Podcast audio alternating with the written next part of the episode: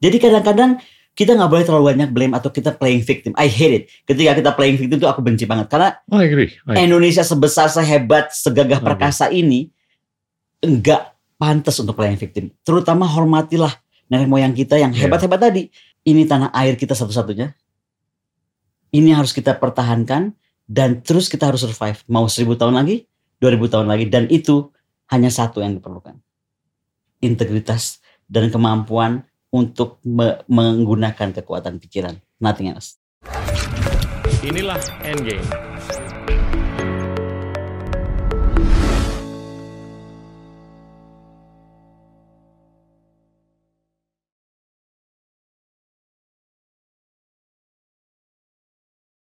Halo teman-teman, hari ini kita kedatangan Koni Rahakundini Bakri, analis pertahanan. Koni, thank you banget bisa datang. You welcome. It's an honor. Ceritain deh backgroundnya. Lahir tanggal 3 November Yes. 64, Nampak. beda satu tahun. Kita 65, 64. So you're the, oh younger than me, oke. Cerita apa ya? Cerita masa kecilku ya? Ya, Masa kecilku mungkin agak aneh ya. Oh, ketika seluruh dunia ini sekarang eh, takut sama masa tenaga nuklir gitu. Aku enggak, malah aku pengen cepet-cepet Indonesia punya tenaga nuklir. Why? Karena aku itu waktu kecil mainnya sama papi itu cuma dua hal. My dad kan researcher. Dia nggak kaya, kita nggak susah tapi kita nggak kaya raya gitu. siap. Jadi kalau main itu weekend papi bawa aku ke lapangan terbang Nurtanio di Bandung lihat pesawat gitu. Cuma lihat pesawat tuh happy banget. Main layangan sama ke reaktor atom Bandung itu, reaktor Wow. Trigamart. Wow. Because it's very beautiful kan. Kalau pernah ke sana itu kan kayak sumur hijau turqua, ada pagar pinggirnya. Ya aku lari-lari di sana. Jadi ketika semua orang takut kena eh, nuklir apa radioaktif, Hmm. Ini hasil radioaktif. Agak-agak. Terus, Ya udah terus, nah di, itu kan papi. Jadi papi itu selalu bawa buku tebel matematika berapa nggak tahu deh matematika udah tingkat dewa yang kita udah nggak ngerti dengan buku Einstein-nya. Pokoknya dia tuh baca terus kan. You know, he's very smart dan dia bisa tutup mata dengan cium bau buku dia tahu ini buku dari Jerman, ini buku dari Rusia, Nah. ini buku dari Amerika. Yes, Mas. the paper is different the smell. Ya, ya, Wah. serius, wah itu udah keren kan? udah ini tuh S4 karena tuh, karena S4. karena dia ini bener sama buku. The other side, my mom itu gifted. He can see people gitu. Terus dia kayak apa sih kayak kalau indigo mungkin lebih dari indigo ya. Jadi aku tuh waktu kecil tuh yang bisa lihat mami main, mami per- mami perlu kartu karena cuma untuk medium. Sebenarnya dia nggak lihat kartunya. Jadi aku tuh pernah satu hari ada sahabat papi gitu ke rumah dan aku adore him so much. Dia tuh seganteng banget, pelaut gitu kan. Tahu-tahu mami dia bilang eh, kak Kak An makanya kakak Ani kan namanya. Kak An ramalin gue dong gitu. Mami ngomong gini, lu mau berlayar? Jangan. Kapal lu tenggelam, lu kekurung di dalam ruang kapten, bener. lu mati. Itu aku masih umur berapa ya? Wah aku masih kecil banget lah. Dan yes, that's what happened. Dari Wow. situ my mom tuh berhenti main kartu atau lihat-lihat orang sekitar 20 30 tahun dia pun trauma kan. Tapi buat aku aku cuman hidup bahwa nah, aku akhirnya jadi percaya ada dunia seperti itu. Iya. Dan my mom tuh menekankan terus beda banget antara religiositas Mhm. and spiritualitas. So my mom always said like kamu mendingan matangkan spiritualmu instead of religimu. Makanya orang suka nanya gini, bukannya agamanya apa? Karena I go anywhere. Satu hari gue tergila-gila sama eh, apa misalnya suka tergila sama ma- eh, Mother Mar- Mary, I go everywhere. Bisa ada yang ngomong gini, "Ya, ada penampakan di Knox. Apaan tuh Knox di mana? Gue Google, oh Irlandia, aku ke Irlandia. Jadi bisa tiba-tiba ngeliat sapi ya, tapi jauh banget tempatnya aja. Aku datengin gitu. Ke Lourdes, oke, I do everything. Wow, Even di tembok ratapan, makanya aku Iya, betah iya. banget di Jerusalem. betul, betul. so mungkin itu yang bikin aku beda. kuliah agak-agak unik backgroundnya, graphic design. Backgroundku tuh graphic design di Australia. Jadi aku tuh nggak masuk ITB, seni rupa. Aku agak frustasi. Aku bilang, wah, keluar deh karena sakit hati dong. Padahal Babe di aku." ITB, My dad, Uh, my dad. your dad Yes. ngajar lagi di sana. Papi tuh ngajarnya di UGM karena papi tuh ngambil S3-nya kan di Jerman tapi kerjasama dengan penelitiannya tuh karena reaktor Kartininya di Jogja. Siap. Jadi dia banyak di Jogja sehingga banyak di UGM. Nah jadi eh, aku itu lebih ke mana ya? Lebih akhirnya pokoknya pokoknya di satu titik aku merasa eh, ITB nggak tembus temanku masuk, aku masuk ke di Australia sampai menang lah kompetisi-kompetisi grafis. Terus aku pulang ke, ke percaya nggak ketemu siapa sampai aku jadi end up eh, aneh banget nih. Aku tuh Mas Setia Novanto. Dia lagi cari waktu itu eh, siapa yang bisa menjadi liaisonnya Pak eh, Wismoyo. Ini Oke. pendek ceritanya aku singkatin. Terus lagi aku kerja dengan Pak Wismoyo itulah kejadian 98. Oke. So the minute 98 itu bakar-bakaran, aku di ruang sama dengan Pak Wis, Pak Wis di situ, nih aku di sini. Bapak yang telepon Pak Wiranto, telepon Pak Prabowo, ada apa nih? Jangan ceritakan aku pulang seperti apa, aku dikawal sama patronnya Bapak. Karena kan bahaya, aku sering bawa mobil sendiri dari dulu. Hmm. Itulah kemudian satu hari aku terkurung pada saat Pak Habibie mau di eh, sidang, ingat? Aku kan apartemennya di situ tuh Sudirman. Malam-malam mami telepon, pulang. Ini udah bahaya, kan udah bakar-bakaran kan, pintu-pintu tol udah dibakar. Mobilku tuh cabriolet, Hmm, 2000 ya. ya. Enggak dong, 98, 99. Oh, 9 oh di sidangnya. Yes. Oke, siap. Mobilku tuh cabriolet M3, jadi kan itu kanvas. Hmm. Jadi aku pikir aku paling bagus tuh pulang malam-malam aja nih jam 2 gitu nggak banyak orang. Ternyata enggak, pas jam segitu tuh malah orang semua lagi mau keluar dari apartemen, mau, mau pada pulang mungkin kan takut. Ya itu tiba-tiba aku lihat ini ini memang momentum Tuhan tuh kadang-kadang aneh. Aku lihat tentara lagi kayak beli apa gitu di warung. So I open my window. Ah, Sebenarnya pengen denger aja nih ada sih ada apa sih rame-rame ini. Lu kok pas banget sih tentara itu beli- minta beli autan. Terus oh, ibunya itu bilang oke lima ribu gitu. Dan dia buka dompetnya, aku tuh belakang dia kan. Dia nggak punya uang. Hmm. Hanya segini aja loh ceritanya Pak kita sesimpel Hmm. ini. Terus yang lebih aneh si ibunya ngomong nggak apa-apa pakai aja besok lagi. Bayangin loh itu aku pulang tuh kayak ketampar aku pakai M3 BMW. Ini ada orang mau beli autan aja nggak bisa. I was crying. Hmm. Ini ada something wrong nih gitu. Yeah. So the next day aku uh, cek UI udah kayak kesambet aja gue tiba-tiba pengen sekolah. Langsung aku pamit sama Pak Wis. Pak Wis aku resign ya, aku mau kuliah. Kuliah apa? Politik. Saya pengen ngerti. Gitu, tapi khusus tentang defense. Jadi waktu aku penelitian, aku bilang tentara harus begini, Indonesia harus begitu, tentara nggak bisa disalahkan karena itu kebijakan negara. Wah, di ruangan aku lagi whatever, sidang lah atau ujian, itu yang aktivis kan banyak di UI. Betul. Wah ini nih kaki tangan nih, kaki tangan Hmm. begitu, kaki tangan Soeharto nih gitu. Hmm. Jabanin. Bisa ya. Terus keliling juga kan ke Hawaii, Taiwan, Israel dan Jadi aku lain-lain. tuh blessed ya, karena karena aku kemudian membukukan tesisku Hmm. dan jadi judulnya tuh Defending Indonesia. Siap. Ketika itu di launch, itu ketika banyak sekali orang-orang asing bikin penelitian tentang militer kita, Hmm. yang menganggap semuanya buruk aja lah. Ya. Udah, seolah-olah ABRI itu teh Soeharto, Soeharto itu ABRI. Udah finish. Buat mereka nggak ada lagi story-nya. Pokoknya pelanggar HAM lah ini itu. Ya. Aku bilang nggak bener nih. So aku menghadap ke uh, Kemlu waktu itu. Dan yang lucu waktu di Indonesia yang launching tuh Ibu Menlu. Ibu waktu baru dari Dirjen Amerop. Terus dia bilang, Bu Koni, ini mesti launching di Amerika Serikat.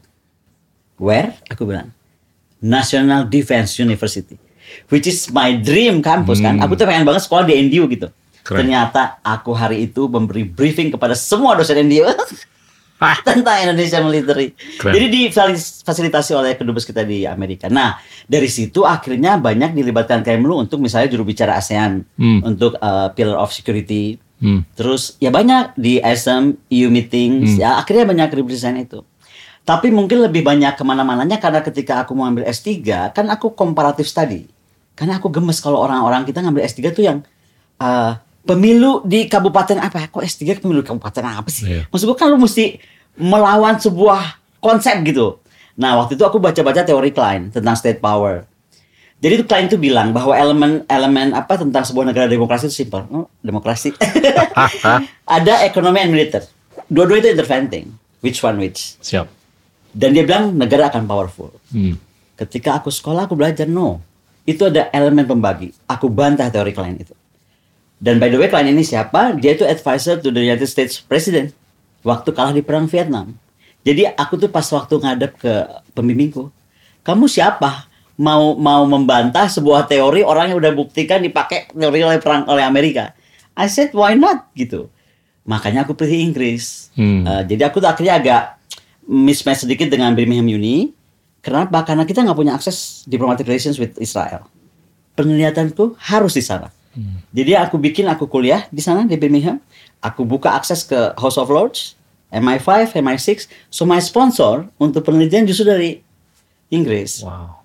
Kalau nggak kita nggak bisa masuk Israel, apalagi mau meneliti IDF. Betul.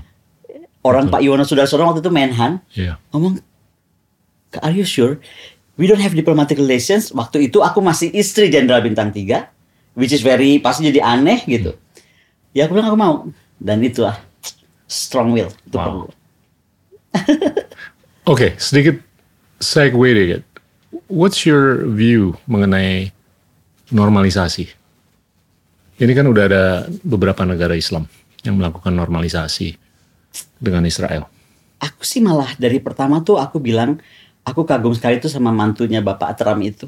Hmm. Kok out of the blue dia bisa berpikir gitu. Hmm. Dan itu kan itu kan mengejutkan Abrahamic dunia. Accord. Iya, Abraham Accord. Iya. Itu kan mengejutkan orang bahwa selama ini yang dianggap kita misalnya. Hmm. Saya ini kan pernah hampir keluar dikeluarkan dari dari UI karena pernah mencoba arrange HMI meeting mengundang dosen-dosen atau mantan eh, dosen yang saya kenal di Israel. Jadi waktu itu saya sama Mas Andi Wijayanto terus kita dapat teguran. Sampai orang itu sampai sini, padahal orang sampai Singapura loh. Mereka kan biasa pakai paspor Betul, luar. Amerika atau Eropa. Iya, ya. terus sampai orang yang sampai sini kamu berdua out dari UI. Karena coba sebegitu kita lihat Israel itu udah seperti apa gitu. Hmm. Jadi banyak hal yang menurut aku tuh kita tuh kurang paham, Ya. malas baca, nggak ngerti sejarah, terus ya udah kayak kayak pakem ya, jadi ikan pakem. Nah ini yang menurut aku nggak bisa, Hmm. nggak bisa ini diteruskan. Jadi aku selalu bilang bahwa kekuatan pikiran itu penting. Dan ketika kita yakin dengan kekuatan pikiran kita, percayalah kita tuh bisa ngerubah dunia. kok. Ya. Apa yang kita Sepakat. Hmm. Sepakat. Dan dan apalagi kalau itu sebagai tempat yang kaya dengan ide, ide yang inovatif, ya Yes. kan? Dalam konteks teknologi dan segalanya. Betul. Oh, Oke. Terus akhir-akhir ini banyak ngobrol. Kita ngobrol mengenai geopolitik deh, ya. Seru. Yang yang sering diangkat kan nih topik mengenai macam-macam lah, mau Taiwan kayak Laut Cina Selatan kayak Ukraina. Kita mungkin mulai dari Ukraina dulu deh. Tapi jangan kaget kalau pikiran aku agak beda ya. Iya. Dari I- awal I- aku memang agak I beda. expect gitu. this kok. Oke. Nah, Oke, eh, kalau Ukraina dari pertama aku sudah bilang bahwa aku melihat ini gara-garanya memang eh, ya NATO's country yang terus memperlebar kekuatannya lah gitu. Siap. Eh, kenapa dia mesti ke sana? Ada apa ancamannya? Memang kenapa Rusia gitu? Lalu tiba-tiba dibentuklah image seolah-olah eh, Putin mau menjadi eh, apa sar baru menghidupkan kembali Rusia zaman dulu. Semua propaganda itu dan itu dibeli ya. To be honest, sebenarnya tadinya saya tuh nggak terlalu care loh kayak kita. Maksud kita ah jauh lah apa sih gitu kan? Tapi ketika eh, anjing di ban, pohon di ban untuk kompetisi, sanction mereka sekitar 4000 loh, can you imagine? Hmm. Dan dia tetap survive. Utamanya ketika Swift Code itu dimatikan, kan kita tuh dunia yang ter- udah sangat terkait satu sama lain. ya. Lalu dia masih bisa survive. Di situ aku bilang, ini negara mesti aku datengin. Karena kok dia bisa menjalankan apa yang selama ini kita selalu teriakan dari zaman Presiden Soekarno. Ya. Berdikari gitu. Ya. Berdikari itu desis, itu berdikari. Ya. Ketika kita dihantam apa pun, kita bisa kuat. Makanya instead of hate Russia, Hmm. Aku malah ingin belajar dari Rusia. Gimana membangkitkan semangat berdikari itu, how you have that confidence gitu. Padahal kan dia juga tantangannya, maksudnya dijailinnya gitu lah. Bahasa kalau dijailkan, dijailin itu udah sangat banyak. Nah, Ya. di satu sisi saya melihat malah eh, apa ya, Zelensky ini bisa jadi penjahat perang. Kenapa? Karena menurut aku, when you become a leader, kita boleh aja punya cita-cita. Ya. Tapi ketika itu membunuh rakyatmu sendiri Hmm. dan kita kan harus punya limit ya. Kalau sampai udah nggak punya limit, ya itu sama dengan Ya. suicidal Betul. gitu. Makanya aku dari pertama bilang dan jangan dibilang bahwa ada yang bilang begini, oh karena Bukoni terlalu dekat dengan eh, dubes Rusia misalnya sahabat saya atau kalau sekarang sudah di Valdai Club, part of Valdai gitu. Oh salah, aku tuh bersahabat juga dengan dengan dubes eh, Ukraina. Ya. He come to my house malah masak, coba seke- Ya. sebegitu dekatnya kami gitu. Artinya kan, iya kan, even dubes Rusia belum pernah ke rumah saya. Karena saya mencoba mengerti pemikiran dia apa. So saya tahu dia bangga sekali jadi turunan Kozak, ini dan itu. Tetapi satu hal saya bilang, kamu punya akses nggak ke Zelensky? Please tell my word ya. Ini yang saya baca, begini, begini, begini. Dia nggak percaya, dia tetap bilang, oh 30 hari lagi, berapa hari lagi kami pasti menang. No way, saya bilang. No, katanya, kamu mesti mengerti, kita tuh pejuang seperti Bung Tomo. Makanya dia kemudian produce apa pun yang Bung Tomo ucapkan, dia translate ke bahasa Ukraina. Apa, Terus dia kagum Soekarno menganggap, aku bilang, no, no, no, no, come on, come on, come on. Soekarno is not Zelensky. Kita nggak pernah minta bantuan negara semacam siapa pun untuk kita merdeka. So it's different. Gitu. Ya dari situ saya marah. Ya nggak apa-apa juga. Gitu. Tapi yang penting jangan ini. Saya mau biasakan orang kita melihat sesuatu itu lebih objektif. Ya. Jadi orang marah sama aku udah sering Pak kita. Misalnya kasus Israel. Aku dianggap membela Israel juga gitu. Padahal aku melihat eh, itu Israel juga se- sejarahnya kita mesti ngerti lah. Nggak sesimpel itu. Ya. Yang kalau kita mau honest kan yang salah-salah banget ya, ya tetap aja Prancis, UK, kan begitu. Apa yang bikin Anda tuh berani menyampaikan apa pun yang ada di pikiran Anda di era yang kental dengan political correctness?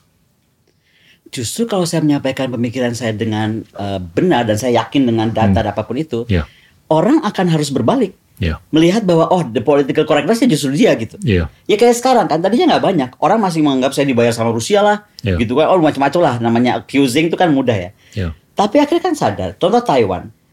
Taiwan semua orang ribut bahwa tentang apa Nandes apa tentang 11 Dash line lah ini itu. Kebetulan sekolah perang saya di Nah, yes, Taiwan ya, dan anehnya biasanya orang sudah sekolah perang di Taiwan itu nggak akan mungkin masuk China siap. Kan? Karena Mas Andi pun diundang waktu itu kita diundang langsung hampir bersamaan Fusingkang War College. Hmm. Aku masuk Mas Andi ngomong kon are you sure? Once you take it, you cannot enter even China. Sementara China tuh is a future world gitu kan. Aku bilang aku pengen tahu. Jadi saya tuh sekolah perang saya Taiwan. Tapi anehnya ketika suasana si isu eh, rame, saya malah di invite sekolah tentang Laut Cina Selatan di China. Makanya saya tahu betul secara archive they are very strong. Ya. Mereka punya all the Oh, evidence bahwa itu adalah apa secara terra nullius, secara uti positionis doktrin Hmm. is belong to them. Ya. Permasalahannya adalah sekarang dokumen semua arsip itu di Taiwan. Ya. Makanya aku marah ketika Amerika itu mencoba mengutak-ngutik Taiwan karena Iya. itu akan bahaya sekali gitu. Saya mau balik lagi ke Ukraina. Kita akan ke ke Taiwan nanti. Tapi ini kan narasi perang yang dikedepankan adalah narasi ideologi kan oleh Amerika dan NATO garis miring Eropa Barat. Pengedepanan ideologi demokrasi ini seakan-akan adalah segalanya. Pandangan Anda gimana sih? Ada ada ini benar nggak sih? Demokrasi jangan marah Pak Gita ya. Aku nggak tahu Pak Gita gimana melihat demokrasi. I don't believe in democracy anymore. Why? Ketika saya ketemu Madeleine Albright di Bratislava, Hmm, waktu itu kita ada security international security meeting. siap. Terus Madeleine Albright dengan pede ngomong, dunia itu sebagai dua, simple aja. Coalition of the willing, United States and allies. The rest of the world, mau hitam, mau putih, mau oranye, mau kuning, mau merah, you are coalition of the non-willing. Ya. Saya bilang enggak, kita Wow. non-block. Kita non-block, kita Keras, beda nih, non-alignment. Hmm. Oh, enggak, tetap dia bilang. Hmm. Pokoknya coalition of the willing, the rest of the world yang enggak kita, different with us, ya you are against us. Kira-kira kayak gitulah. Hmm. Wah dari situ aku bilang, wow, negara yang menjual demokrasi Hmm. ke mana pun gitu. Nah, kaitannya sekarang ke perang Ukraina, eh, Rusia. Kenapa ketika Rusia melakukan itu, apa pun alasannya dia ya, Siap. dia diberi sanksi begitu besar, reserve-nya kemudian ditahan. Sekarang, oh misalnya kebijakan dari Presiden Biden, eh, dolar di belakang, di, apa, di belakang tahun 2021 akan dinihilkan. Itu kan sebenarnya perang terhadap Rusia sebenarnya. Tapi kan seluruh dunia harus menanggung ego yang menurut aku tuh ya Hmm. ego of your nation inter- national Betul. interest. Terus mana nilai demokrasi? Ya. Yang ketika semua bilang harus sama rata sama eh, apa ya kesempatan. Aku lebih percaya Tan Malaka loh. Sayang Tan Malaka itu Setuju. dibunuh. Can you imagine? Dia itu tahun-tahun itu sudah bilang dunia itu harus dibagi sama rata. Hmm. Jadi semua kawasan tuh dibagi sama rata aja. Iya. Karena konsep dia sederhana. Ketika anjing kita pelihara anjing, semuanya anjing-anjing kecil-kecil tapi banyak, itu akan lebih balance dibanding kita memelihara satu kecil, satu besar, satu raksasa gitu, satu very tiny. Karena yang ke- besar pasti makan yang kecil. Sebuah time aja. Kapan waktunya kalau dia lapar? Ini yang terjadi sekarang. Satu billion people controlling 7.6. Do you think democracy is working? I Yeah. don't think so. Oke, ada ada dua komentar mungkin. Yang pertama terkait dengan demokrasi. Gue juga punya pandangan yang nggak beda. Dalam arti demokrasi itu kan sebetulnya pendistribusian kekuatan ke setiap tangan, the hands of many. Tapi bukan hanya kekuatan atau power aja, tapi atribut lain seperti pendidikan, modal, integritas, dan lain-lain. Nah ini banyak di negara-negara maju yang udah merangkul demokrasi liberal. Justru sudah mulai kelihatan paradoksnya. Yang mana mereka tuh mungkin berhasil mendistribusikan kekuatan to the hands of many, tapi mereka nggak bisa mendistribusikan Integritas. dan lain-lain. Mohon maaf. Betul. Justru ini agak-agak ekstrim mungkin ya. Tapi kayak negara seperti Singapura yang mungkin 10 tahun yang lalu dianggap sebagai benign dictatorship. Tapi kalau dilihat dari kacamata praktis yang mana mereka kelihatannya sih berhasil mendistribusikan pendidikan, integritas, social value, monetary capital, dan kekuatan juga karena ada juga pemilu kan di situ Iya. dan bisa bisa mengharmoniskan multiras, multietnis, multireligi. Itu mungkin merupakan manifestasi dari sesuatu yang disemangatkan oleh demokrasi liberal kan. Iya. Jadi agak-agak paradoxical kalau mulai. Paradoxical, terutama begini, mungkin Singapura tuh mudah, saya nggak mengecilkan Singapura, tapi dia tuh kan kecil. Iya, Terus one land gitu. siap. Bisa dibayangkan nggak Indonesia? Oh iya, Gitu. Makanya saya pikir-pikir, eh kenapa dulu kita bisa ya ribuan tahun kerajaan, ya kan ratusan tahun? Iya. Karena sistemnya kerajaan. Memangnya sekarang kita dengan politik sekarang kita nggak kerajaan juga. iya. Memang is at- kelihatannya kita demokrasi berjalan. Hmm. Tapi what I see gitu kan, sebenarnya behind the screen is kerajaan juga. Iya. Ketawa kan? Hidden kingdom. Oke, balik lagi ke Ukraina deh. Itu yang pertama. Jadinya kadang-kadang untuk melihat ini purely dari kacamata pengedepanan ideologi agak sulit juga. Memang Iya kan? Kedua tentunya it relates to your observation di mana yang kasihan kan proksinya. Iya nggak? La- lahan yang dipakai untuk ber do, do you have to feel sorry for them atau marah lama-lama? Kalau aku di titik marah kayaknya Pak. ya kalau gue sih masih di titik marah karena Iya, kasihan. To the leader, iya ya, to the leader. Ka- ya. kasihan dulu deh. Ka- kasihan sama rakyat Ukraina. Iya, Iya kan? sangat, sangat. Dan dan kalau kalau dibaca sejarah nggak pernah ada indikasi semenjak Sampai akhir-akhir ini bahwasanya dia tuh seperti apa yang digambarkan oleh narator-narator di Barat. Naratif Iya kan? Propaganda-propaganda barat. Betul. Dan Iya. nggak ada secara historis kecenderungan untuk dia tuh melakukan conquest. Dan dan justru dia tuh lebih memastikan ya gue udah kasih warning ke lo. Ini kan Jauh-jauh hari. ini buffer state gua Betul. dan lo udah ke timur dari Jerman beberapa kali semenjak 89 Ya. dan ini kayaknya nggak nyambung nih dengan semangat yang dulu kita sepakati walaupun itu nggak tertulis. Betul. terus termanifestasi dalam summit di Bukares waktu Ukraina dan Georgia diminta untuk ikut dalam NATO akhirnya konsekuensinya kita lihat kan. Nah ini nggak nggak nggak di permukaan kan di conventional atau mainstream even, media even pemikir-pemikir seperti Jeffrey Sah, terus siapa lagi ya, eh, banyak lah kayak, kayak mantan mantan dubes Robert Gates, itu kan udah Ya. udah mengingatkan ya bahaya. Ini sama aja dengan dengan ya suicidal. Iya. In, in a simple word is suicidal. Karena Ukraine ini kan ya buffernya dia gitu. Betul. Nggak mungkin dia melakukan sesuatu. betul Kita aja nih, mungkin orang enggak, tapi kalau aku sejak AUKUS diperlakukan, walaupun orang bilangnya, no, bukan Hmm. itu teknologi aja kok. Itu justru masalahnya, ya kan? Ya Ini bahaya. Indonesia tuh menurut aku maka be very careful dengan statement membela Ukraine juga karena itu Iya. bisa backfiring to us loh. Somehow di satu titik gitu. Makanya aku juga uh, mencoba gini, mengedepankan bahwa kita itu jangan juga melihat Cina tuh ancaman terus. Siap. Karena sebenarnya bukan cuma Cina ancaman loh. siap Orang banyak yang overlook misalnya Prancis dalam waktu cepat sekali membangun kekuatan darat laut udaranya di sini kan. Pertanyaannya kan saya langsung riset, berapa sih penduduk Prancis di Asia Pasifik? Kenapa dia mesti bangun tiga apa sih tiga armada lah? Hmm. Uh, New Zealand, Australia, kemudian uh, uh, di dekat Afrika walaupun dianggap yang sini kosong, tapi sebenarnya nggak mungkin kosong. Uh, dia bilang hanya 1.700 orang. Can you imagine?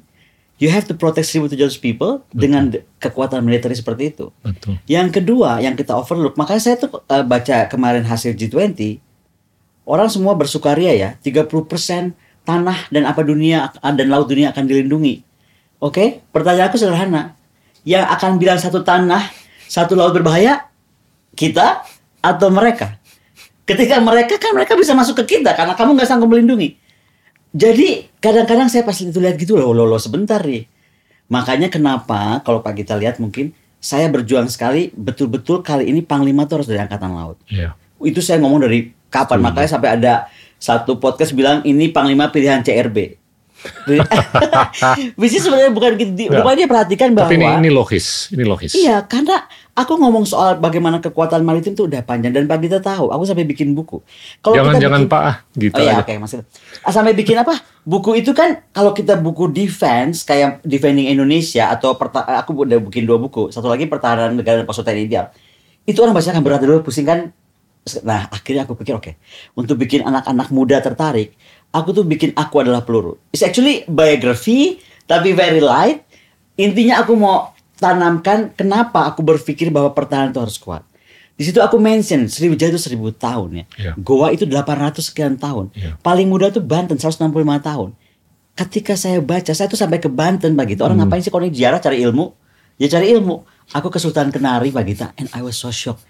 Itu sultan. Itu kan Sultan Kenari itu kan sultan keempat kalau nggak salah. Iya. Dia yang membuka hubungan kita pertama kali dulu dengan Venesia dengan segala macam perdagangan. Top. Jadi dulu tuh kerajaannya dia itu Banten yang di bawah Sultan Kenari itu seperti Venice, dibangun tuh dengan kanal-kanal indah semua. Em, itu rusak karena Krakatau kan. Bayangkan di era itu kita sudah bangun Iya. dua hal penting. Trade, road, Hmm. and then the, the military or whatever you name it, kekuatan maritim untuk protect your trade route tadi. Iya. Gitu. Oke. Kita akan ke Taiwan, ke macam-macam. Ukraina ini bakal lama atau Lama tergantung I, I've I've heard your predictions, tapi iya, I, iya. I want you to say it again. Ya oke, karena menurut aku tuh itu perang Eropa nggak pernah sebentar. Dan buat aku Rusia ini adalah dipimpin presiden yang sudah selesai dengan dirinya. Hmm. He finished with himself. He will do everything for the country. Hmm. Dan dia tuh been adored sama orang-orang Rusia. Jadi Hmm. Ada pride. Jadi masalah Putin sekarang masalah pride. Makanya kalau ada ide mau menjatuhkan Putin, oh itu is- itu itu mimpi besar lah, mimpi Iya. besar, mimpi besar. Nggak mungkin mereka berhayal atau halu lah. Kalau Siap. kalau mau mimpi ke kegeeran, halu itu kalau mau menganggap, Putin bisa diruntuhkan dia atau enggak. Karena itu menjadi simbol kita seperti lihat Bung Karno. Bung Karno itu kan bukan cuman memerdekakan kita, tapi simbol bangsa. Iya. Nah, itu yang aku sense kita melihat Putin atau rakyat Rusia melihat Putin hari ini. Hmm. Pembebas. Iya. Jangan salah, bukan rakyat Rusia saja. Iya. Separuh, separuh dari kita nih, banyak yang sudah mulai teriak ura-ura dan banyak ke mana-mana itu. Itu jangan salah tuh, Dubes Ukraina marah banget sama aku. Iya. Kenapa kamu mendidik orang kita ngomong apa orang Indonesia ngomong ura? Itu kan semangat. Sen- sentimen underground di Asia kebanyakan ke sana. Itu Rusia. Tapi mereka mungkin nggak berani ngomong. Iya kan? Nah ini kalau ngomong soal berani ngomong, Hmm. banyak yang juga bilang, Bu Koni kok berani banget. Itu yang aku sayangkan. Kita tuh banyak pemikir loh. Banyak pemikir kita hebat Hmm. sekali gitu. Tapi banyak sekali jadi jagoan kampus ya. Iya. Jadi milisial yang aman, ya kan? Pemikiran dia dia nggak mau speak up gitu. Padahal ya itu kita berpikir, kita belajar, kita uh, baca data kan sebenarnya untuk uh, memberi apa penerangan lah, apa enlightenment ya. Kalau kalau boleh GR dikit tuh sebenarnya bikin enlightenment. ya oke berat sih bagi kita berat karena ada yang bilang ya macam-macam. lah. Tapi aku aku dari titik ya this is what I think, this is what I research, this is hasil riset aku. Ya ini standpointku gitu. Makanya sejak awal minggu pertama aku udah bilang keputusan negara-negara NATO is suicidal. Pak kita harus bayangkan, aku itu orangnya gaul banget kan Pak kita ya. Jadi aku tuh main sama para dubes lah, ini itu. Itu bisa tiba semua orang nggak ngajak ngomong gue loh. Atahan, Atahan juga cuma lewat-lewat aja. Yang tadinya kemarin masih hai, lewat aja. I've been through all of this, dan aku pikir, ya itu masalah kamu, bukan masalah saya. That's Gitu. what's different about you. You don't you don't care. Ya, Iya kan? Dan nothing nothing intimidates you. No. Iya kan? no. Dan itu itu beda loh. Nah, prediksi kon itu kapan selesai? Gimana egonya NATO tadi selesai, atau Zelensky sadar tiba-tiba insap gitu. Aduh, ini cuma sih, saya nyerah. Karena kalau begini terus memang dia dengan sengaja membuat negara jadi proxy, mengambil keuntungan dari situ kita tahulah kasusnya Sam Bankman dengan FTX dan lain-lain. Akhirnya ke mana uangnya kita lihat, ya kan? Dan masa dunia masih tutup mata juga. Itu nomor satu. Nomor dua, aku semakin marah sama Zelensky itu ketika dia membajak G20 kita yang saya tahu betul Bu Menlu tuh aduh jungkir balik dan presiden dan semua kita itu menyiapkan G20. Bayangkan nggak sampai 24 jam G20 sedang sukses-suksesnya hari pertama, dia kirimlah roket ke Polandia dan dia bilang aktifkan artikel 5 karena eh, Rusia mengirim roket ke Polandia. Itu orang gila. Pada loh. percaya pula. Pada percaya untungnya tadi. Biden tiba-tiba dia bijak juga ya kalau gua terus ini kayaknya bahaya buat gue jadi dia bilang no no no kayaknya terlalu jauh. Itu kan pernyataan pernyataan Biden pagi-pagi kan? Tiga jam kemudian baru White House resmi. Ya. Koreksi. jadi uh, intinya Eh, kita kita membiarkan orang berbahaya ini hidup dan itu yang kemudian saya eh, berteriak kepada publik bahwa kita harusnya mendorong Geneva Convention on Hoax karena bahaya sekali ketika utamanya seorang kepala negara bisa trigger perang dunia ketiga Hmm. dengan mengirimkan sesuatu ya itu masih kelihatan fisik roket besok kita nggak tahu apa kan jadi kalau sampai dari Kemlu atau dari mana nggak ada yang tertarik bikin itu aku kayaknya menulis surat ke PBB kita harus dorong Geneva Convention on Hoax itu bahaya sekali Saya tuh agak ada pandangan yang agak beda. Eh, ini dari sisi ekonomi atau keuangan. Kalau kita lihat kenaikan suku bunga yang dilakukan oleh Gubernur Bank Sentral di Amerika, ini udah lebih dari 4% dalam beberapa bulan terakhir. sudah meningkat 4%. Oke. Dari 0,25% ke 4,25%.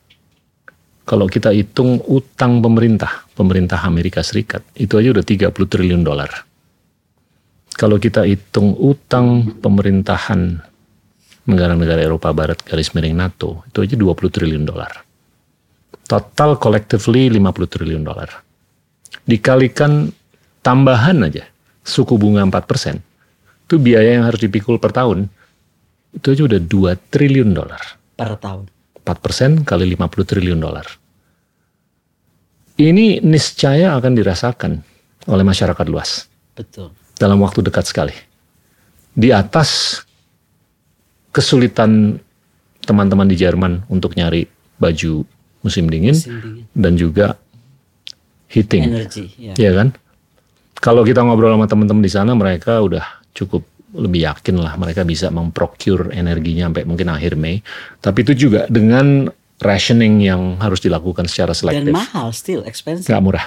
Dan tapi yang nggak di permukaan adalah biaya tambahan dari suku bunga. Dan ini kalau menurut saya gila. 2 triliun dolar yang harus dipikul itu jauh lebih besar daripada kepentingan military industrial complex. Of course, 2 trillion dollars. Ya. Siapa yang bisa afford 2 trillion dollars? Nggak semua negara juga. Jadinya kalau menggunakan logika Tanah Abang, Dan apa?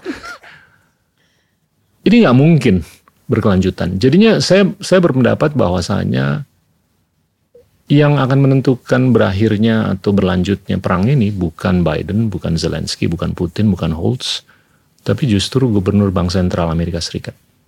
Wow, this is interesting. Iya kan? Harusnya benar, betul. Harusnya dia. Hmm. Karena kalau enggak orang semua agak larut dengan propaganda dan lain-lain. Iya. Dengan keyakinan semu. Karena kalau aku lihatnya, Nord Stream itu nggak mungkin tergantikan dalam Iya. waktu cepat. Iya. How? Nord Stream itu ke Jerman. Jerman itu ke semuanya. Ya berpentingkan Nord Stream, menutup Nord Stream. Ya sama aja menutup kehidupan mereka. Betul.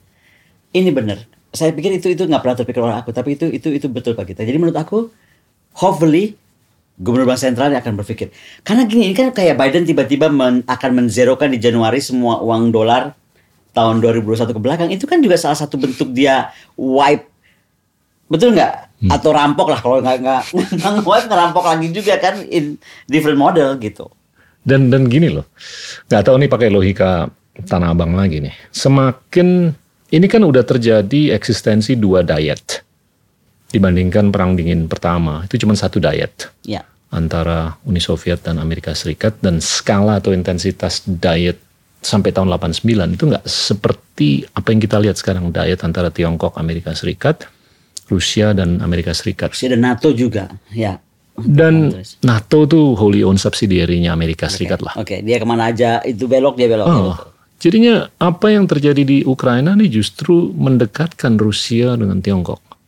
Dan ini akan, kalau menurut saya, menjadi lebih sulit untuk kepentingan Amerika Serikat melawan dua daya tersebut, dan juga untuk kepentingan Amerika Serikat menyikapi terkait Asia Pasifik.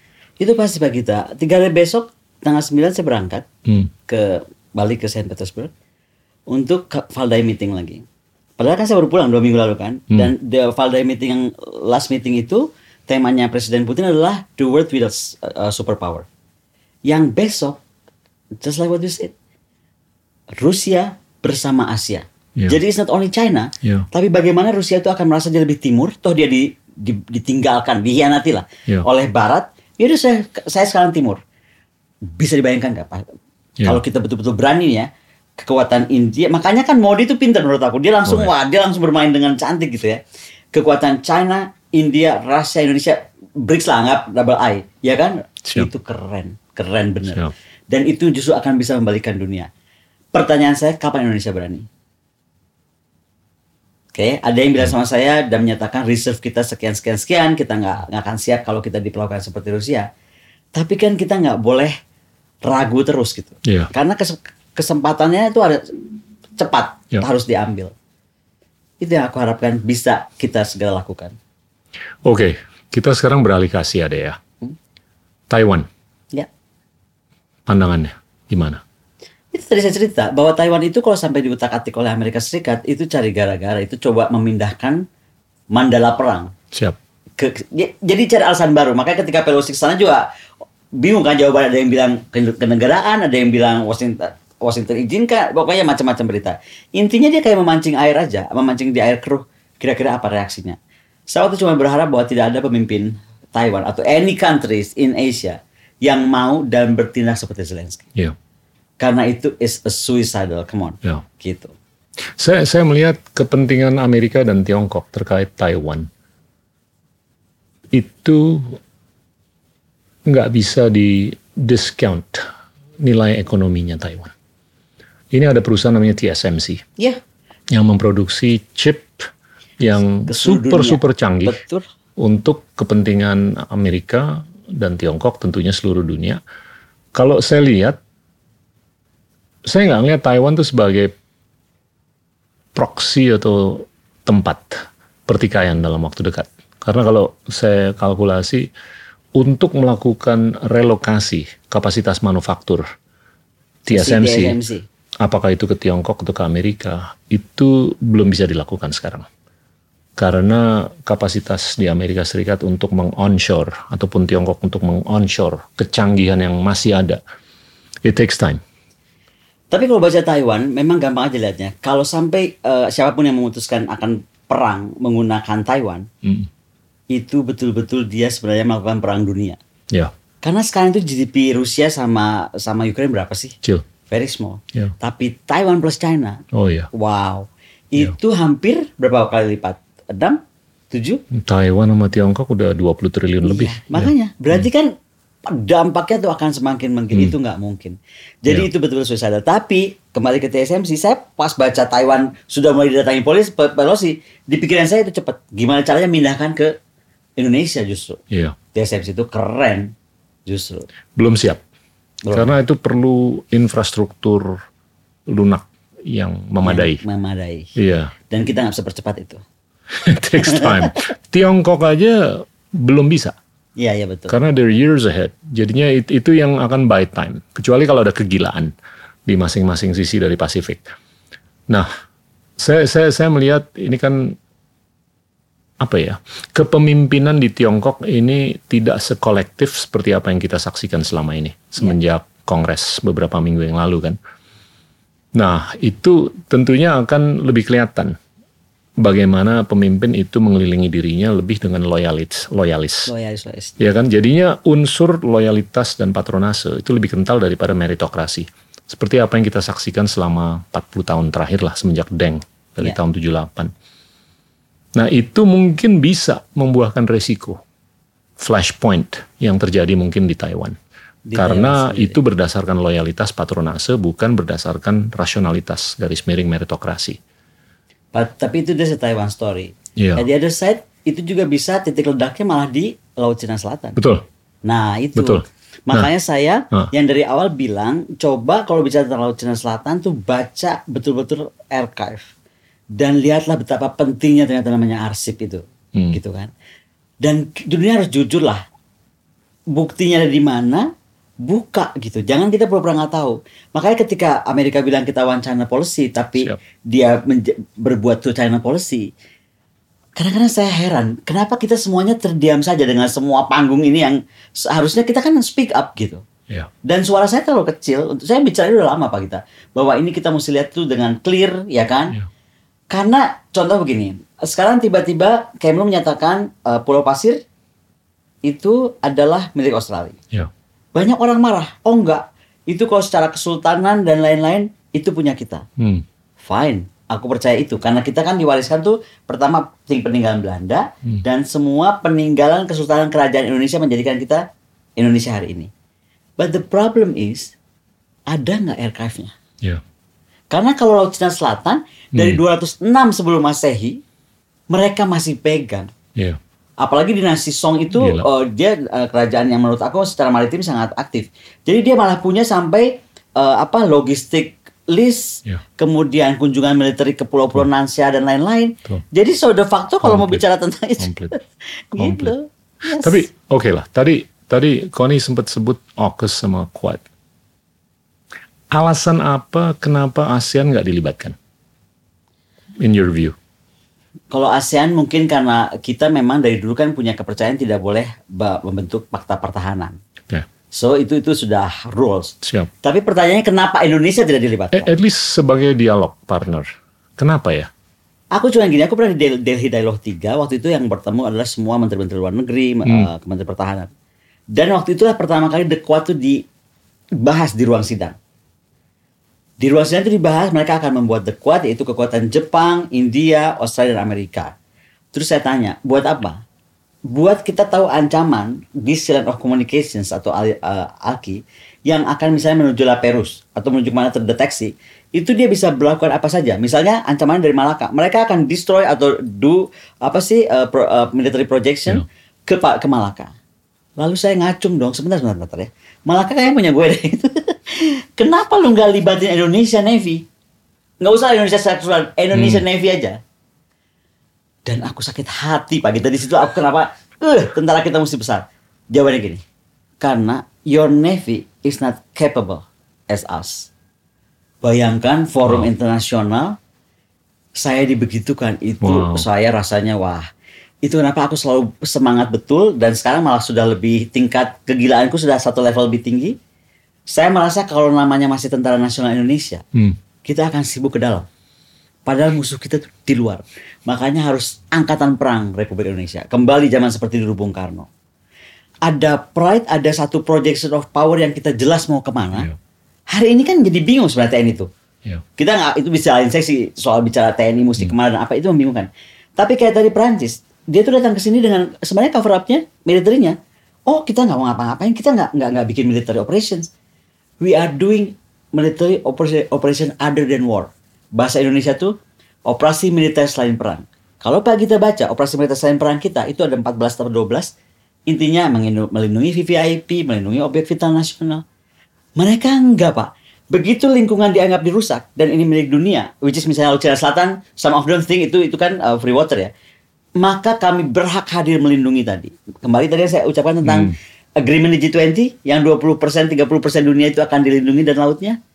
Siapa yang akan melindungi? Siapa yang akan bilang itu bahaya atau tidak? Hmm. Kalau Indonesia nggak punya kemampuan untuk counter that issue, kita sekarang misalnya bisa punya kemampuan counter, katanya Malaka banyak pirates. Itu enggak, kita bisa counter dan itu bisa angkatan laut buktikan. Makanya kita kemudian sama IMO tidak jadi target. Tetapi kalau lingkungan, can you imagine? Kita tuh harus punya kemampuan laut, cek laut dalam dan lain-lain. Ya dong. Kalau Ya. enggak kan kita bisa daerah kita dianggap tidak aman, mereka berhak hadir. Ya. Saya kan kebetulan juga penasehat Menteri KLHK, Siap. Bu Siti Nurbaya. Hutan juga begitu. Ya. Jadi hutan kita kalau satu hari kita dianggap tidak mampu, mereka dengan operasi militer selain perang mereka, itu bisa hadir melindungi hutan kita. Di mana kedaulatan? Nah, kita ini nggak ada yang mikir begitu. Aku tuh bukan against bela negara, tapi menurut aku tuh agak agak agak lari dari konteks. Dan menurut aku nggak boleh kita tuh kekuatan. Ada yang salah lihat kalau bilang bahwa Ukraine survive karena uh, bela negaranya atau no, dia survive karena supporting dari NATO to this day ya. Betul. Begitu NATO tarik mundur selesai Ukraine dari Betul. kemarin. Dan dan itu dukungannya semuanya dalam bentuk utang. Dalam bentuk utang nggak nggak ada freelance lah. Bahkan kemarin saya baru cek utang Inggris ke Amerika Serikat untuk bantuan untuk Perang Dunia Kedua. Itu baru lunas tahun 2020. Baru nas kemarin dong, baru Iya. dua tahun lalu. Nah, Betul atau enggaknya, tapi mungkin poinnya adalah pelunasan utang untuk kepentingan perang. Takes a long time. Ya kan? Dan apalagi kalau dibungkus dalam konteks PDB Ukraina yang kecil. dan pengiriman 60 miliar dolar dari Amerika Serikat ke Ukraina. Berarti negara itu kalaupun survive berat berat puluh-puluh tahun kemudian Puluhan dia hanya tahun. akan bayar hutang. puluhan tahun Yes. at the expense of kesejahteraan masyarakat luas. Itu. Dan dan itu kadang-kadang nggak masuk dalam kalkulasi. Nah ini ini saya coba mau bungkus dalam konteks Indonesia. Gimana Indonesia tuh harus melakukan apa ya militarisasi. Ini kan ada yang mungkin di kubu yang berpendapat wah ini mungkin kepentingan military industrial complex. Tapi juga ada yang di kubu ini mutlak niscaya harus dilakukan karena untuk ketahanan nasional. Nah ini harus dicari keseimbangannya kan. Ujung-ujungnya apa pun titik keseimbangan itu harus masuk dalam batas kemampuan fiskal. Yes. Iya kan? Tapi kalau Pak kita tanya saya, titik keseimbangan itu integritas sebenarnya. Karena menurut saya hari ini ke- kesiapan pertahanan kita itu dilakukan dengan pilihan-pilihan yang kurang secara integritas. I'm sorry to say this ya. Hmm. Karena misalnya gini, kita tuh kalau lihat tentang kekuatan militer itu tiga aja yang kita lihat. Power projection. Where are you going to go with your military? Apakah misalnya kita menganggap kawasan Laut Cina Selatan tidak aman? Ya berarti dia harus mampu sampai Laut Cina Selatan rutin ya, bukan sesekali. Bukan karena oh ada kejadian baru itu bukan begitu. Jadi rutin. Apakah misalnya tadi laut daerah Filipina atau daerah eh, apa dekat Australia itu aman? Nah, itu kita tetapkan. Dan itu saya masih bicara tentang kekuatan brown water navy, which is 200 nautical mile ke dalam. Padahal ancaman hari ini karena tadi saya bilang ada Prancis di sini, ada The Quad, ada AUKUS, kita sudah harus di green water, which is projection kita harus di ASEAN water. Ini kalau kita lihat water ya, karena paling gampang eh, ngelihat eh, pertahanan itu dari konsep eh, kekuatan laut, karena otomatis di antara di atasnya. Nah, Kemudian eh, kalau kita lihat pesan Presiden Jokowi dan Presiden Jokowi, Jokowi itu seduar loh. Dia itu orang yang kalau dia bilang sesuatu dia bikin. Ya. Contoh IKN di di, di di di di kepala aku sampai sekarang aku masih nggak ngerti kenapa ya itu menjadi prioritas negara. So I wonder siapa yang menentukan sebenarnya sesuatu itu prioritas negara ini. Ya. Menurut aku Indonesia itu prioritasnya justru bangun pertahanan Ya. yang tadi kuat. Pertama power projection, kedua aset. Aset itu adalah alutsista, Hmm. Siap. utama sistem senjata. Ketiga adalah readiness. Makanya aku marah banget nih semua orang yang bikin berita seolah Indonesia sesuai prior global power nomor sekian di atas uh, Israel. Come on, it's a hallucinations karena why? Dia tuh lupa ya dari Turki sampai ke kita kan panjangnya kira-kira dari Indonesia Timur ke Barat kan dari Turki sampai London. Kita lihat aja kalau dari laut itu kira-kira kita lewatin mana? Ya. Spanyol apa namanya eh, eh, Turki ke sana Spanyol terus ke atas 8 negara lah anggap. Ya hitung aja sekarang 8 negara itu punya berapa frigate, punya berapa kapal perang. Indonesia punya nggak sebanyak itu. Itu aja kalau mau dibayangkan kenapa sih Bukhari ngotot banget mesti kita kuat gitu kan. Yang kedua, oke lah kita punya yang sesuai ditulis oleh si Global Firepower. Ready tidak? Ya. Anda boleh punya 1000 pesawat tempur, tapi ketika pesawat tempur yang bisa bergerak hanya sekitar 100, Anda nggak ready buat perang. Nah, itu itu menurut aku tiga hal penting yang perlu integritas. Tanpa integritas kita akan beli senjata karena Pak Gita, kita semua tahu lah kalau bisnis senjata itu fee-nya besar. If you wanna get rich very fast, main senjata. Beneran. itu gede sekali fee-nya. Tapi kan kita lagi bicara soal negara kesatuan Republik Indonesia yang harus survive seribu tahun lagi tadi.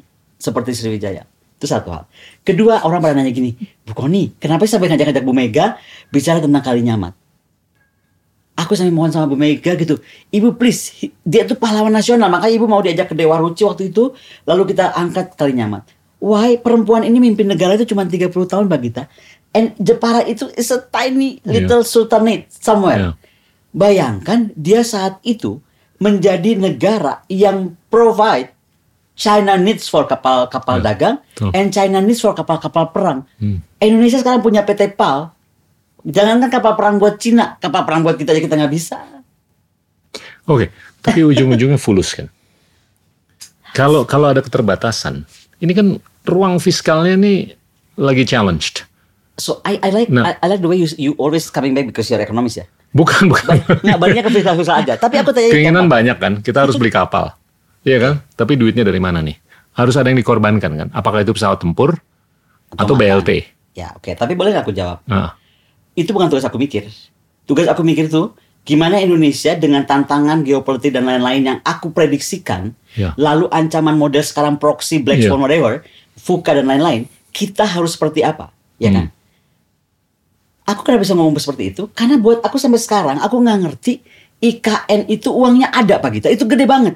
Aku bisa beli berapa frigate, bisa bangun berapa kapal selam, mungkin mini kapal induk to protect our interest. Ya. Why? Udah tahu geopolitik itu sekarang lagi meningkat ke kawasan Asia Pasifik, which is not nggak overnight juga, nggak gara-gara juga perang Ukraine kan. Ini kan sudah tending ke apa ke Asia ini udah lama. Kenapa? Aku nggak bilang IKN nggak boleh loh. Tapi siapa di negara ini yang Ya, decide aku paham. that one is very important. Ya. This is the second one, this is the third one. So for me now itu adalah defense. Karena tadi Hmm, kemampuan itu. Setuju. Pem- Pemimpin harus bisa memprioritaskan ini kan. Ya. Untuk sementara mungkin prioritasnya nggak setinggi prioritas yang lain. Iya kan? Mungkin juga ada pemikiran di atas dan sekitarnya bahwasanya investasi yang lebih bijaksana adalah untuk kepentingan diplomasi dibanding militer. Diplomasi itu adalah stick versus carrot, right? Ini mau mancing. Ya.